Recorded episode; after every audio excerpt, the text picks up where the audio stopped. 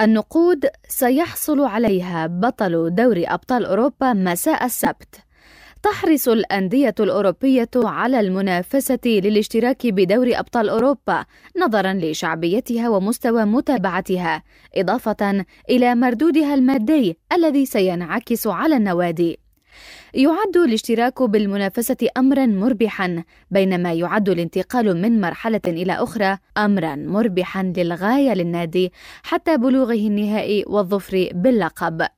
في الموسم الماضي حصل ريال مدريد على 83 مليون يورو و200 ألف على شكل جوائز مالية بما في ذلك أربعة ملايين يورو ونصف المليون للفوز بكأس السوبر الأوروبي في أغسطس آب الماضي. أما في هذا الموسم خصص الاتحاد الأوروبي يو إي إف إي جوائز مالية قدرها مليارا يورو أي ما يعادل مليار دولار و980 مليونا.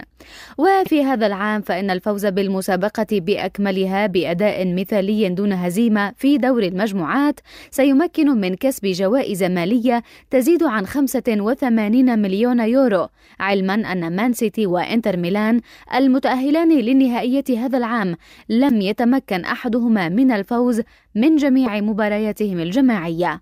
أما الجوائز المالية فتقسم إلى ثلاثة أقسام جزء مباشر للعب وجزء مقابل الأداء وجزء يتعلق بالبث التلفزيوني. الجزء الأول يمثل 55% ويأتي على النحو التالي. الفائز يحصد 20 مليون يورو. الوصيف 15 مليون يورو ونصف.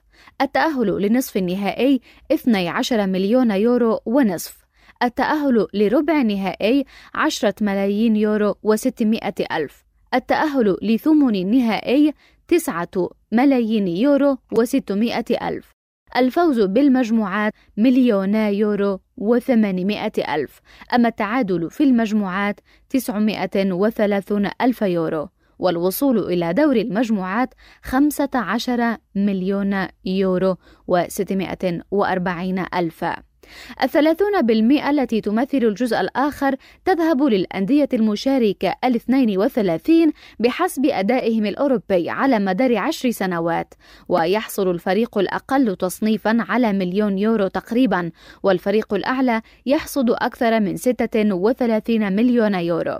أما النسبة الثالثة والأخيرة فتمثل 15% وتوزع على الفرع بحسب القيمة السوقية للبث التلفزيوني وتذهب للاتحاد الوطني لكل دولة ممثلة في دوري أبطال أوروبا. كتب هذا النص مجد النوري وسجلته أسيل دوزدار لشبكة أجيال.